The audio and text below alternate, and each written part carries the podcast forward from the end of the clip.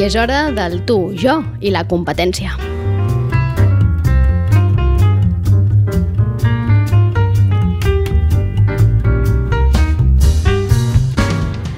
Una secció que fem sempre, com saben, amb Sandra Carbonell. Molt bon dia, Sandra. Hola. Com estàs? Com estàs? Molt bé, estem molt bé de Sant Jordi, amb un sol que ens entra per la finestra divendres, per tant, un dia molt bonic avui, i la secció, com que és Sant Jordi, volíem aprofitar, ja saben que la Sandra de tant en tant ens parla de llibres, doncs volíem aprofitar per dedicar-la avui precisament a això, eh, a lectures. Correcte. Va, fem, fem un, un repàs ràpid perquè vull dir-ne bastants. Perfecte, doncs vinga, tenim un quart d'horeta més o menys, podem dedicar-lo a aquestes recomanacions literàries, més que literàries, lectures, diguem, pensades en qui, Sandra? Pensades per qui? Amb aquells que tenen un negoci, volen emprendre un negoci o volen reposicionar el seu negoci i volen inspiració per un cantó i després també aprendre una mica de com va tot això del màrqueting digital. Perfecte, doncs vinga, per quina comencem? Vale, comencem. Vull dir que Digues. aquest, això és una mostra, però és que n'hi ha tants, de veritat. O sigui, si algú té dubtes i vol saber-ne més o profunditzar en un tema, que m'ho digui, perquè n'hi ha tants i tants autors catalans que en saben tant de tot això, vull dir que... Són, la, són les recomanacions de Sandra Carbonell, que són lectures que a ella d'alguna manera li han inspirat o li han servit en algun moment no? de tota la seva trajectòria. Vinga, Sandra. Comencem de lo més, uh, del, dels més generalistes als més eh, Específics. específics. Ok. Val? Dos molt generals que serveixen d'inspiració. Aquest més d'una vegada ja l'he dit i es diu Nunca te pares. Crec que no hi ha versió en català. De fet, van ta- tardar en traduir-lo de l'anglès. Nunca te pares i és l'autobiografia del fundador de Nike. Val? I és un llibre molt inspirador perquè realment la gent sempre diu bueno, és que jo no tinc el pressupost de Nike. Ja, bueno, és que, però és que Nike va començar amb zero patatero. Qui ho diria, eh? Val? Llavors, és, és, mm, és veure uh, un exemple de superació, d'insistència, de creure en el que feia, de no rendir-se, de quan li deien que no, trucar a una altra porta i quan li deien que no, pues, trucar a la porta de més enllà i no cansar-se mai. D'acord, doncs Nunca te pares, l'obra de, de la biografia del, del fundador de Nike, Nike, com s'hauria de dir, que per cert, Sí. eh, està a punt o està canviant també, eh, està fent girs també en, en, en matèria Nike perquè deixarà de vendre en botigues multimarca, si no tinc mal entès, deixarà de vendre en botigues multimarca i aposta fortíssimament per la venda online Nike, eh? és a dir, ha decidit fer un, un replantejament d'alguna manera d'estratègia, eh? Sí, però em sap greu dir-ho, però les botigues multimarca d'esport i sobretot amb el tema de, de, bueno, de, de calçat, que el conec bé, de calçat d'esport, o sigui, estan morint totes. Perquè uh, una botiga multimarca ha de, ha de negociar molt bé amb el seu proveïdor.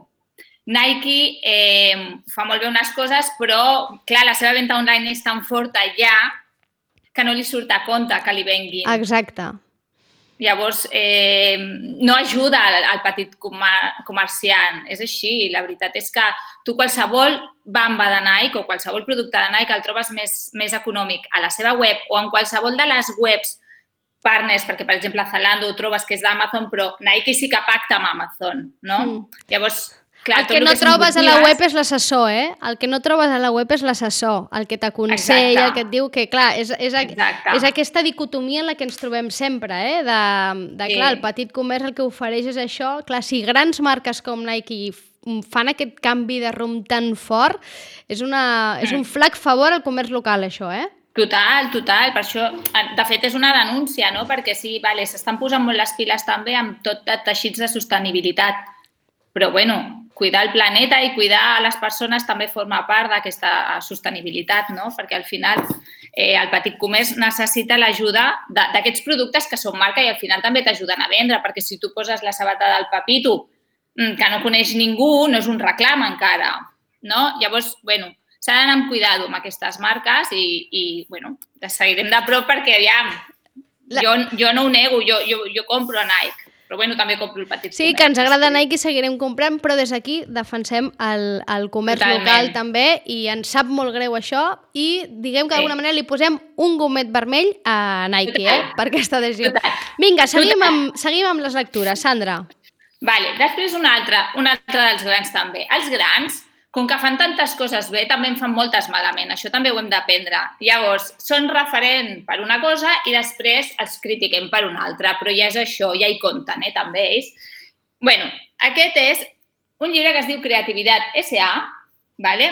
ja explica M'encanta el tagline que fan servir, o sigui, el subtítol aquest, perquè és com portar la inspiració hasta l'infinito i més allà. ¿vale? Perquè aquest explica la història de Pixar. Ai, caram, que interessant. Uh -huh. Molt. Perquè els fund... o sigui, tots són ments creatives que van fundar aquesta empresa i, i Creativitat S.A. t'explica la realitat de la creativitat en una empresa creativa. Que moltes vegades la inspiració no t'apareix quan estàs de vacances i tal, sinó que d'avui a demà t'ha de sortir la inspiració i tens uns timings i tens unes coses que complir i llavors, bueno, t'explica una mica com funciona una, una gran macroempresa o corporació, en aquest cas, en termes creatius. Perfecte. A més, la portada veig que hi ha el Bud Lightyear, eh? Com a Sí. l'ombra del Bud Lightyear. Perfecte. Creativitat S.A. entenc que, a més a més, encara més, mm, més inspirador per tots aquells que els agradi el cinema, eh? I l'animació. Perfecte. Sí. Perfecte. Sandra, què més? Vale, ara uns ja focalitzat en el que és sector, um, bueno, negoci, petit negoci. Perfecte. Val?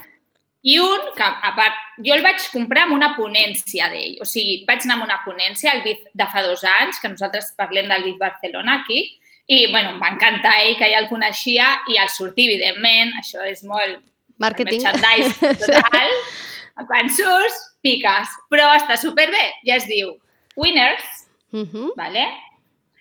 És el Pablo Foncillas, per qui no sàpiga qui és aquest senyor, és un senyor que surt a l'avantguàrdia, si veieu, mireu l'avantguàrdia digital, Sí. és un senyor que surt amb unes ulleres de pasta negra, explicant, sempre fa unes càpsules explicant de, per exemple, eh, eh, com ganar clientes en la era Amazon, Uh -huh. ¿vale? I és, i és de lo que va aquest, aquest llibre. Et fa reflexionar sobre tu que tens un negoci, tu que tens una petita marca, què és allò que hauries de fer en comptes d'estar-te queixant tot el dia d'Amazon, perquè Amazon és, existirà i ho ha fet molt bé. Ens enfadem molt amb Amazon perquè ens fa la competència, però ho ha fet molt bé.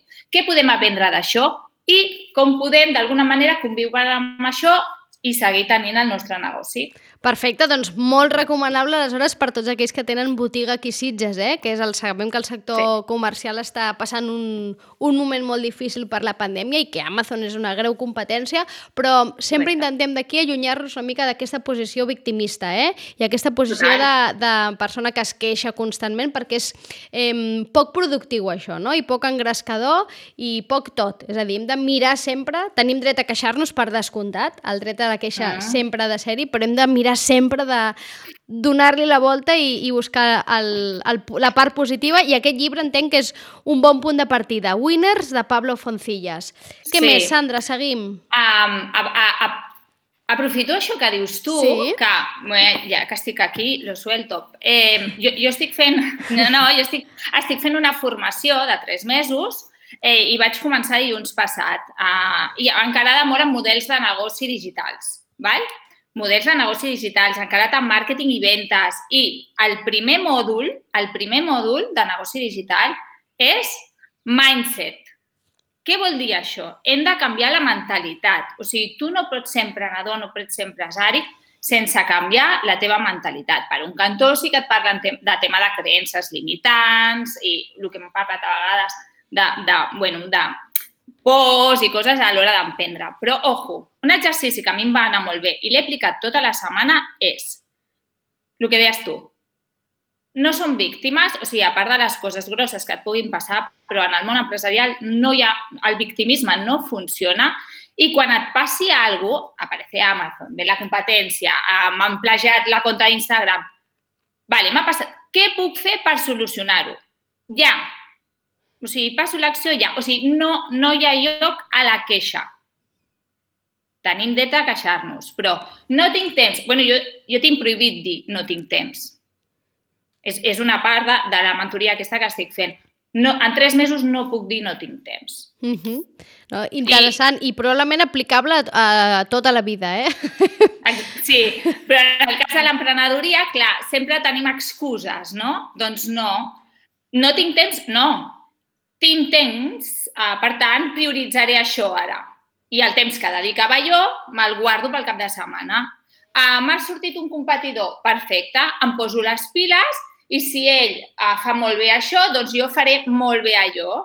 Vale, i a Amazon, perfecte. Què aporta Amazon? Què aporto jo que Amazon no pot aportar? El que deies tu, assessorament, proximitat, seguretat... Escolta, aquests paquets no sabem d'on venen, eh? Sí, sí, i, jo... i sempre tens el dubte de si t'arriba, no t'arriba, com t'arribarà, si t'arribarà, ja. no sé què, de vegades dubtes de talles, de coses, tot això ho té el comerç local. Perfecte, per, per doncs, tant, mindset, eh? Ens quedem amb aquest concepte, eh? De mindset.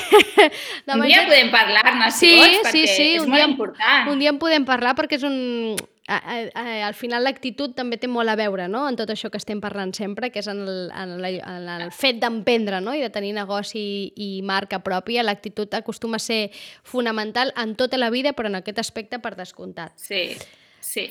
Sandra, Llavors, més lectures, vinga. Un de màrqueting digital i he buscat un que sigui molt fàcil, molt fàcil, molt fàcil. Veieu que posa màrqueting digital para dummies, ¿vale? Dummies és un terme que es fa servir per dir per gent que no té ni idea del tema. Sí. Llavors, aquest és que és molt fàcil, és com un ABC de... O sigui, per qui no ha tingut mai contacte directe amb màrqueting, és, o sigui, és molt fàcil, perquè moltes vegades em pregunten Sandra, el llibre de màrqueting, màrqueting per excel·lència, no el voldreu ni veure. És, és un totxo i ens l'està ensenyant aquí, eh? I segur que hi ha lletra petita. no, no. O sigui, no.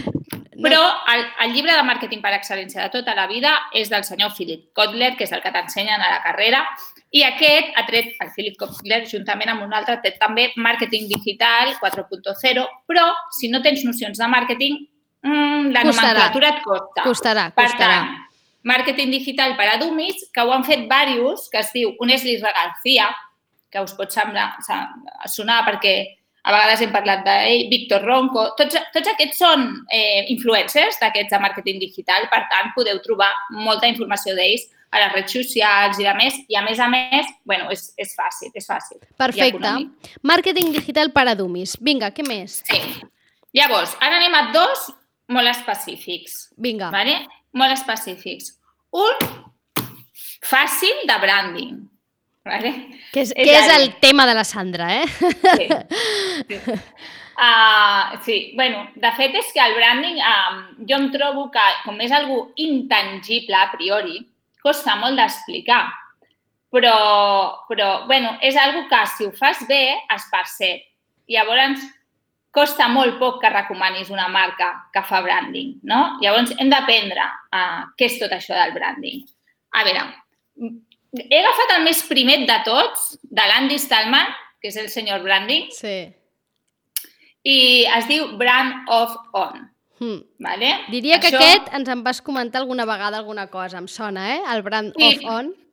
Vale, perquè l'Andy Stallman té tres llibres. El cito perquè són interessants els tres. Dos, prepandèmia, vale? que és el Humanòfon, ah, exacte. no? pa, que, sí. pa, que diria que vam parlar d'aquest, que és parlar del consumidor, del client ideal, vale? de, de la gent que compra per què compra. I el brandòfon, no? que és aquest, que parla de com podem desenvolupar una gran marca a l'era digital. Vale. Quan passa la pandèmia, aquest home treu un llibre, el triple de gruixut, que es diu Totem.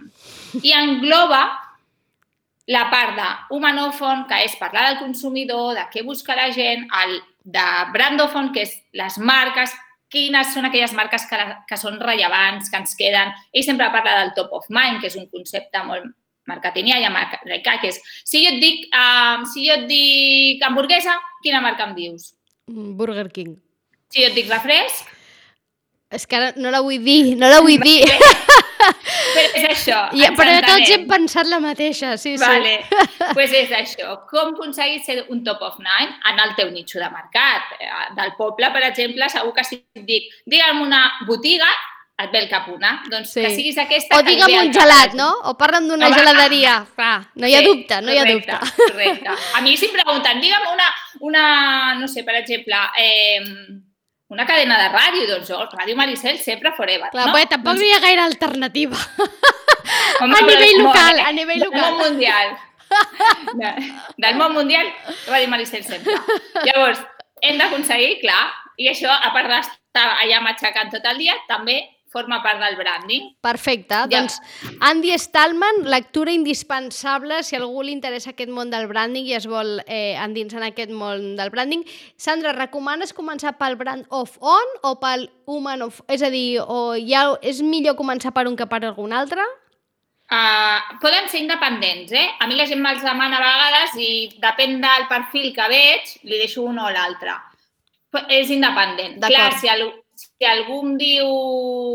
El més actual és el tòtem, perquè és el més recent i ell l'havia de llançar abans de la pandèmia, llavors el va agafar en ple llançament, va retocar quatre coses i el va llançar. Perfecte. Llavors, el més actual, actual. Però bueno, és igual. Um, el consumidor no ha canviat tant, perquè això està vi- vist des de la, des de la perspectiva de l'era digital ja, ojo, no estem parlant.